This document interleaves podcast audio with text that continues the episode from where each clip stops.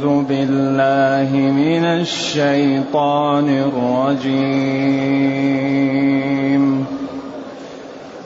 ولما جاءت رسلنا إبراهيم بالبشرى قالوا إنا مهلكون أهل هذه القرية إن أهلها كانوا ظالمين. قال إن فيها لوطا. قالوا نحن أعلم بمن فيها. لننجينه وأهله إلا امرأته إلا امرأته كانت من الغابرين. ولما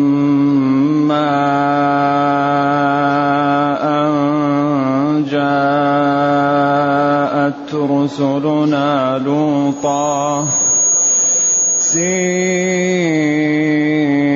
بهم وضاق بهم ذرعا. سيء بهم وضاق بهم ذرعا. وقالوا لا تخف ولا تحزن. وقالوا لا تخف ولا تحزن إنا منجوك وأهلك إلا امرأتك كانت من الغابرين. إنا منزلون على أهل هذه القرية رجزا من السماء. إنا منزلون على أهل هذه القرية رجزا من السماء. رجزا من السماء بما كانوا يفسقون. ولقد تركنا منها آية بينة. ولقد تركنا منها آية بينة لقوم يعقلون. وإلى مدين أخاهم شعيبا فقال يا قوم اعبدوا الله وارجوا اليوم الآخر. فقال يا قوم اعبدوا الله وارجوا اليوم الآخر ولا تعثوا في الأرض مفسدين. فكذبوه فأخذتهم الرجفة.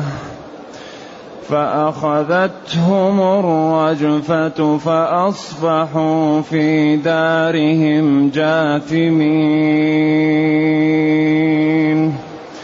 وعادا وثمود وقد تبين لكم من مساكنهم. وقد تبين لكم من مساكنهم وزين لهم الشيطان أعمالهم وزين لهم الشيطان أعمالهم فصدهم عن السبيل فصدهم عن السبيل وكانوا مستبصرين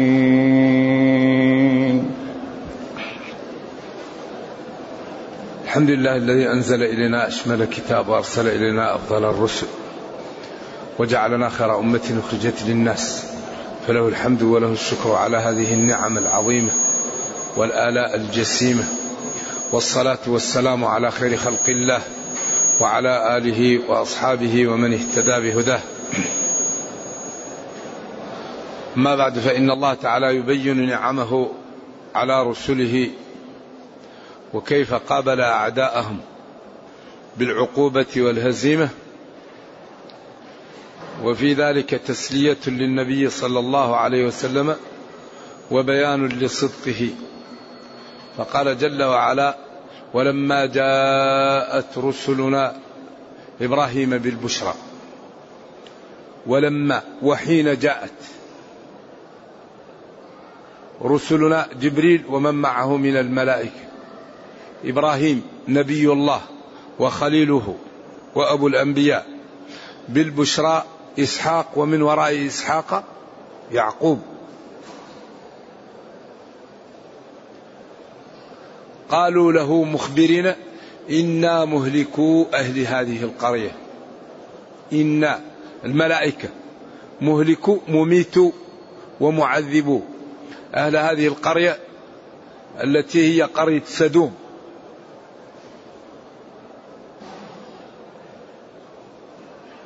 وهي قريبة من طبرية ولا زال المحل هذا الذي وقع فيه العذاب لا تعيش فيه الأحياء. الماء لا يعيش فيه حي. وآثار العذاب كالح. نرجو الله السلام والعافية. إن أهلها كانوا ظالمين. لماذا تهلكهم؟ إن أهلها كانوا ظالمين. إذا جاءت الرسل لإبراهيم وبشرته بإسحاق وبعد إسحاق يعيش حتى يكون له ولد ويسمى يعقوب. ومع ذلك أخبروه أنهم ذاهبون إلى جماعة لوط وأنهم مهلكوهم. إبراهيم قال لهم إن فيها لوط ولوط رجل صالح ونبي. فكيف تهلكوهم ولوط بينهم؟ وهذا يدل على أن الرسل لا تعلم الغيب. فهو لما جاءوه كان رجلا كريما ذهب بسرعة وذبح عجل ونضشه بالحجارة وأتاهم به. ولما رآهم لا يأكلون توجس. ألا تأكلون؟ فأوجس في نفسه ليش ما يأكل هؤلاء؟ قالوا إنا أرسلنا إلى قوم لوط. نحن ملائكة لا نأكل. إن أهلها كانوا ظالمين. أهل القرية كانوا ظالمين كافرين عاصين يفعلون الأفعال السيئة الخبيثة كما هو معروف. قال إبراهيم للملائكة إن فيها لوطا ولوط رجل صالح نبي لا يعمل المعاصي. قالت الملائكة لإبراهيم نحن أعلم بمن فيها. الله علمنا وأخبرنا ورسل الله ونحن أبصر بمن فيها. لننجينه. لننجينه أو لننجيه. وأهله. قيل بناته. إلا امرأته كانت من الغابرين الباقين في الهلاك. الغابر الباقي أو القديم. فهي غابرة باقية في الهلاك أو قديمة في الضلال غابرة في الضلال وفي الفساد. ولما جاءت رسلنا لوطا وحين جاءت رسل الله نبيه لوطا سيء بهم وضاق بهم ذرعا سيء وتألم. وضاق ذرعه عبارة عن الألم الذي يقع للإنسان ولا حيلة له. لأن الذرع هذا والعرب تكني عن ضيق الذرع بعدم الحيلة. وتكني عن قوة الذرع وفلان له ذراع يعني أنه عنده قوة للتصرف. سيء بهم. بمجيئهم وضاق. وقال هذا يوم عصيب في الآية الأخرى. سيء بهم. ولما أن جاءت رسلنا لوطا سيء بهم. هناك جاءت وهنا أن جاءت. وهذا تلوين في الأسلوب ليظهر جمال القرآن وحسنه وبلاغته. سيء بهم. وهذا أيضا يدل على أن لوط ما كان يعلم الغيب. الرسل جاءت لتهلك هؤلاء المكذبين له وهو ضاق وتألم لأنه خاف أن يكونوا رجالا ويعلم من جماعته الدناء والخسة والفعل الشنيع الذي يعملونه في الأضياف. وهو نبي كريم يعرف حق الضيف ومكانته وهؤلاء يؤذون الأضياف ويفعلون فيهم الفعل الخسيس. فسيء بهم وضاق بهم ذرعا. فقالت الرسل له لا تخف. لا تخف. مما سيقع ولا تحزن مما مضى. فأنت نبي الله وناصرك ومؤيدك ونحن رسل الله. إنا منجوك. أيوة لا تخف ولا تحزن. إنا منجوك وأهلك. منجوك وأهلك. ومنجو أهلك. والكاف مضاف إلى أهل. إنا منقذوك ومنقذو أهلك. إلا امرأتك كانت من الغابرين كانت من الهالكين. وهنا وقفة مع أن الغيب من خصائص الربوبية. لا عالم ولا ولي ولا صالح ولا تقي ولا نبي لا يعلم الغيب إلا الله. أما الرسل تعلم ما علمها الله. ذلك هذا إبراهيم ذبح عجل للملائكة. وهذا لوط ضاق ذرعا بهم. وهذا نوح قال لربه لما قال له إنا منجوك وأهلك قال له ربي إن ابني من أهلي وإن وعدك الحق وأنت أحكم الحاكمين. قال الله لنوح يا نوح إنه ليس من أهلك. الموعود بنجاتهم. إنه عمل غير صالح. حتى رجع نوح وخاف وقال ربي إني أعوذ بك أن أسألك ما ليس لي به علم. وهذا يعقوب ابيضت عيناه من الحزن. وليس بينه وبين يوسف إلا صحراء سيناء. ابيضت عيناه من الحزن. الله جبله على ابنه يوسف. لما له من حسن الخلق والجمال والتأدب والذكاء. ولذلك إخوته ضاقوا ذرعا به. ونحن عصبة. إن أبانا حتى قالوا اقتلوا يوسف أو اطرحوه أرضا يخلو لكم وجه أبيكم. حتى جاء البشير وأخبره. ونبينا قال لعائشة يا عائشة إن كنت ألممت بسوء فتوبي إلى الله. حتى أنزل الله أولئك مبرؤون مما يقولون. سري عنه وقال أما الله فقد برأك. وقال لا تحسبوه شرا لكم بل هو خير لكم. لما فيه من الأجر والمنقبة والذكر. وقال قل لا يعلم من في السماوات والأرض الغيب إلا الله. نقول الولي يعلم الغيب. وبعدين روح للولي يعرف لك فين. بكرة ما يقع. من أخبرك أنه يعلم ما في غد فهو كذاب. هذا الغيب من خصائص الربوبية مثل الخلق. لا يخلق إلا الله. لا يعلم الغيب إلا الله. أما الغيب النسبي فقد تعلمه يعلمه بعض الخلق. الآن ما يقع في مكة في الحرم. هو بالنسبة لنا غيب لكن بالنسبة لمن في الحرم ليس غيبا. فيمكن واحد يتصل بك ويخبرك بأشياء تقع في الحرم. أنت تقول الآن وقع في الحرم كذا وكذا. ما هو غيب لأنك أخبرت. إما عن طريق شيطان إنسي أو جن أو عن طريق إنسان. يريد أن يلبس عليش على الناس. أما الغيب المحض لا يعلمه إلا الله.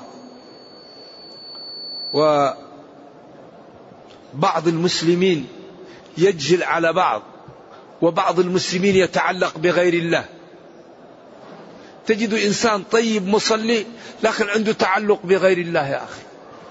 أنت أكرم الناس لا تظلمها.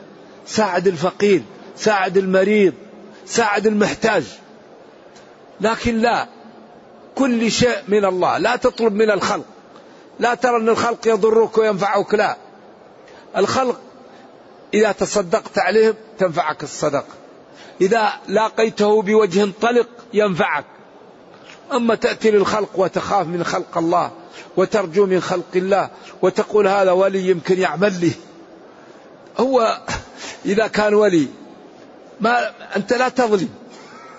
أما ما يقدر يعمل لك شيء لا يمكن يضرك ولا ينفعك إلا الله. لذلك ما يقع الآن في بعض بلاد المسلمين من طلب الحوائج من الأموات وممن يعتقد أنهم أولياء وأنهم صلحاء. هذه مشكلة لا بد أن تعالج. هذه مشكلة هذا هذا هذا جانب في غاية الخطورة يعمله شرائح من المسلمين. يذهبوا للقبر يسألونه الحوائج. يأتي للرجل الذي يدعي أنه ولي يخافون منه. يا أخي أنت كنت ولي مالي ومالك. الولي في عرف الشريعة من هو؟ الذي يؤمن ويتقي الله. ألا إن أولياء الله لا خوف عليهم ولا هم يحزنون؟ الذين آمنوا كانوا يتقون. لهم البشرى في الحياة الدنيا الرؤيا الصالحة ترى لهم ويرى. وفي الآخرة لهم الجنة والعز لا تبديل لكلمات الله. ذلك هو الفوز عظيم. إذا لا ندعو إلا الله ولا نسأل إلا الله ولا نخاف إلا من الله ولا نرجو إلا الله ولكن خلق الله نكرمهم ونساعدهم ونسترهم ولا نظلمهم ولا نغتابهم. خلق الله حرم أن يظلموا. وعبيد الله لا يريد أن يظلمهم الآخرون. وجعل في كل كبد رطب أجرا. فنكرم الناس ونحسن إليها لكن لا نصرف حقوق الله لخلق الله. ولذلك هذا الصرف الله رد عليه في سورة النمل ردا واضحا بينا. لما عدد الأمور التي يتفق الناس على أنها من الله. أمن خلق السماوات والأرض؟ قل الحمد لله وسلام على عباده إلى أن قال أمن خلق السماوات والأرض. هل في إنسان يقول غير الله خلق السماوات والأرض؟ هذا مفروغ منه. ولئن سألتهم من خلق السماوات والأرض حتى الكفار يقولون الله. وأنزل لكم من السماء ماء فأنبتنا به حدائق ذات بهجة. ما كان لكم أن تنبتوا شجرها. أإله مع الله؟ إنزال المطر من السماء. بل هم قوم يعدلون. أمن جعل الأرض قرارا وجعل خلالها أنهارا وجعل لها رواسي وجعل بين البحرين حاجزا؟ أإله مع الله؟ بل أكثرهم لا يعلمون. ثم قال وهذا محل الشاهد. أمن يجيب المضطر؟ أمن يجيب المضطر؟ إذا دعاه ويكشف السوء ويجعلكم خلفاء الأرض. هذه الثلاثة يطلبها الناس من الأولياء. هذه الثلاثة يجيب المضطر إذا دعا ويكشف السوء ويجعلكم خلفاء الأرض. واحد مريض يذهب للولي. يا ولي أنا مريض.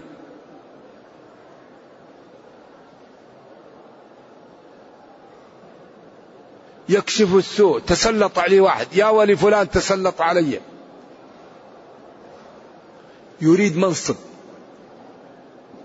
ويجعلكم خلفاء الأرض يريد منصب وجاه.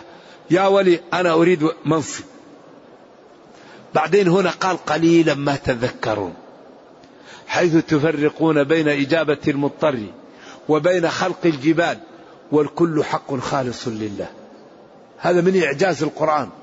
بعد أن من يجيب المضطر قال قليلا ما تذكرون حيث تفرقون بين خلق الجبال والبحار والأشجار والأنهار وبين إجابة المضطر والكل حق خالص لله لا يشاركه فيه غيره.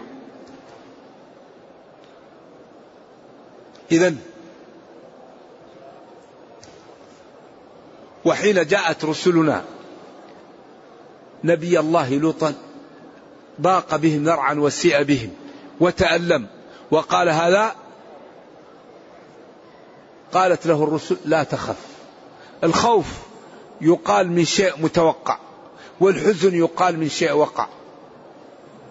وقد يطلق هذا على هذا. والحزن هو ألم من شيء حصل.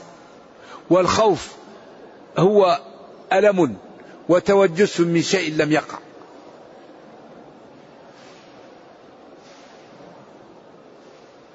وقد يطلق الخوف على الحزن والحزن لأنه يترابطان مع بعض.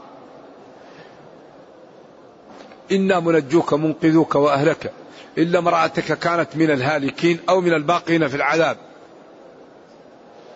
إنا الله منزلون موقعون بأهل هذه القرية رجزا عقوبة بما كانوا رجزا من السماء حجارة تنزل عليهم. بسبب فسقهم وكفرهم وعملهم للفاحشة.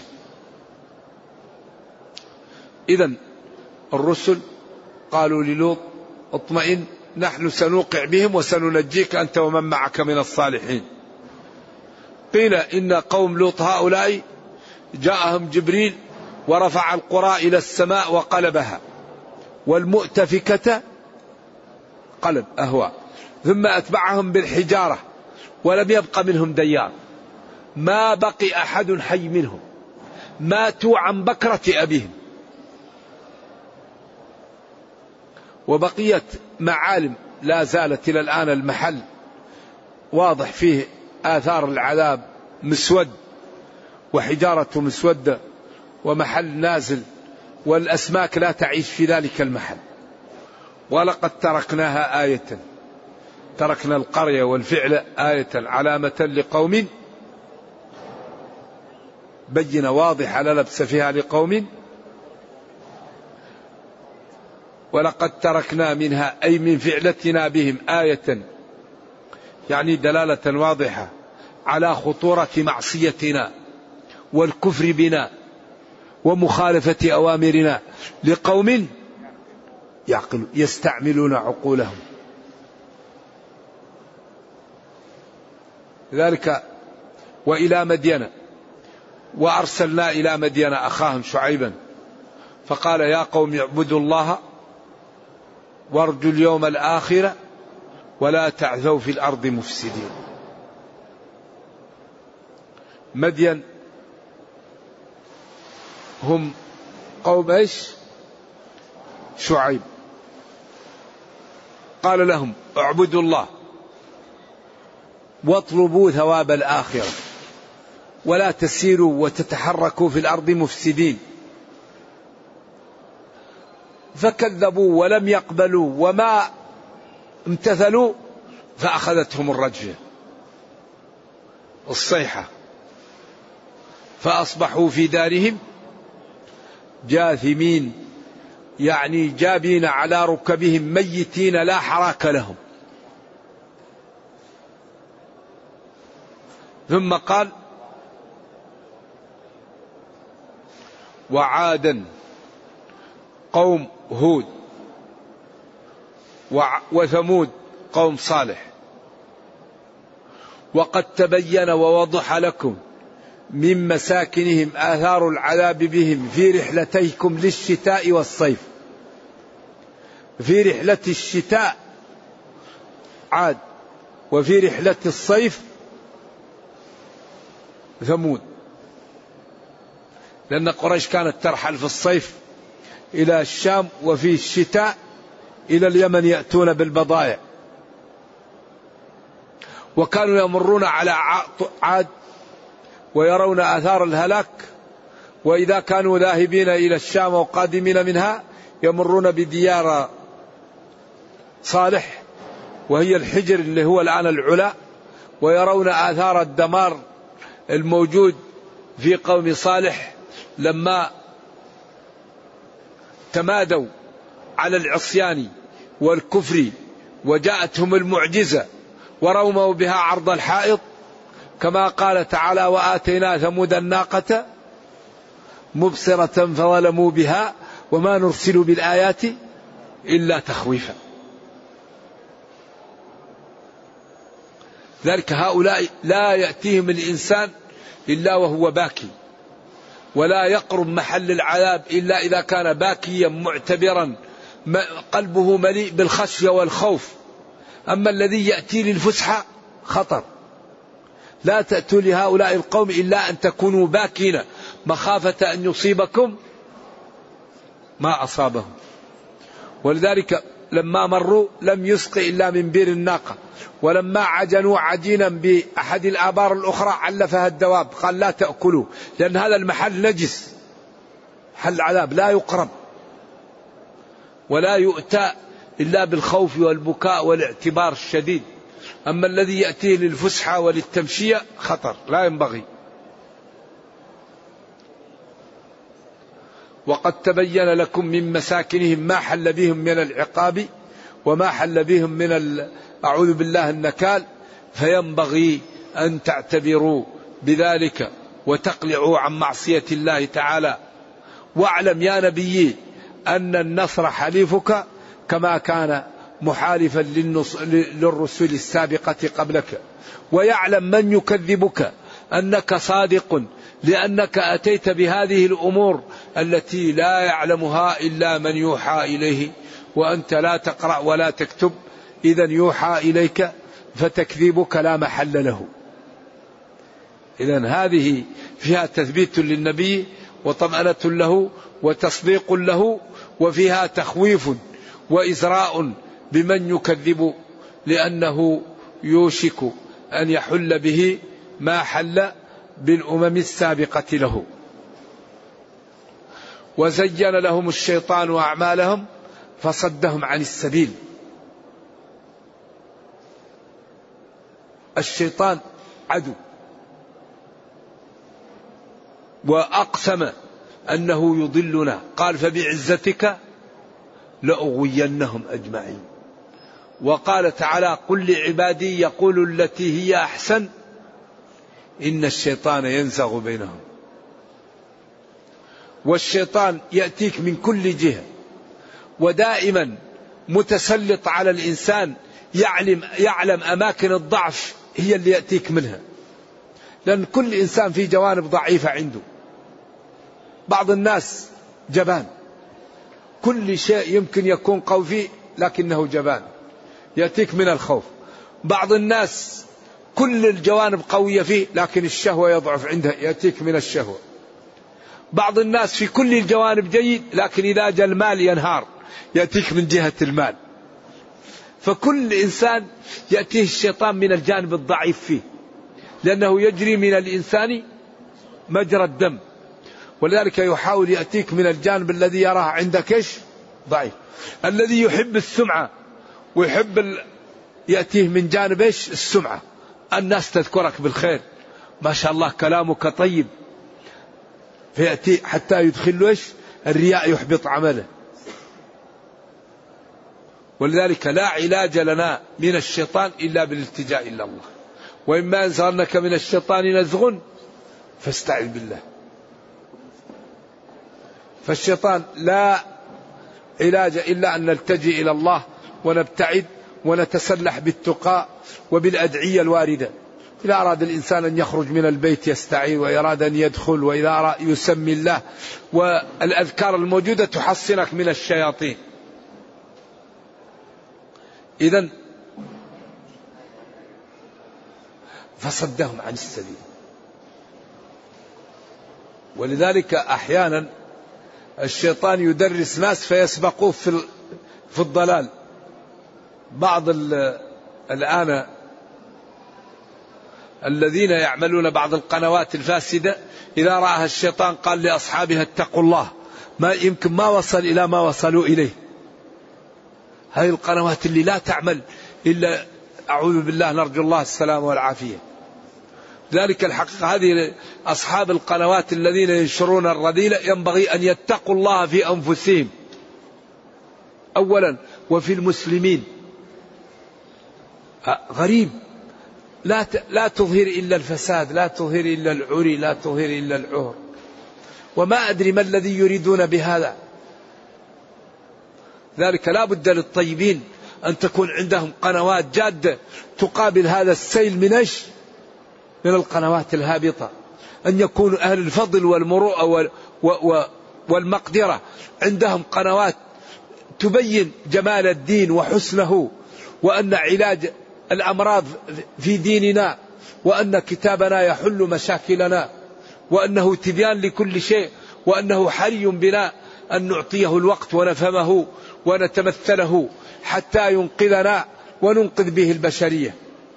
وكان هؤلاء القوم مستبصرين في طرق الضلال والفساد وفي طرق الخذلان الله أعطاهم بصيرة في أن يفسدوا إذا أرادوا أن يفسدوا وفي أن يغووا إذا أرادوا أن يغووا. وهذا أقوى. وقيل وكانوا مستبصرين في الحياة وفي الفهم ولكن الله تعالى حجب عقولهم والقول الأول أقوى. وأظهر أنهم كانوا مستبصرين في الفساد وفي هذا لأنهم عياذا بالله ضلوا وبعدوا عن الحق. نرجو الله جل وعلا أن يرينا الحق حقا ويرزقنا اتباعه وأن يرينا الباطل باطلا ويرزقنا اجتنابه وأن لا يجعل الأمر ملتبسا علينا فنضل. اللهم ربنا آتنا في الدنيا حسنة وفي الآخرة حسنة وقنا عذاب النار. سبحان ربك رب العزة عما يصفون وسلام على المرسلين والحمد لله رب العالمين. والسلام عليكم ورحمة الله وبركاته.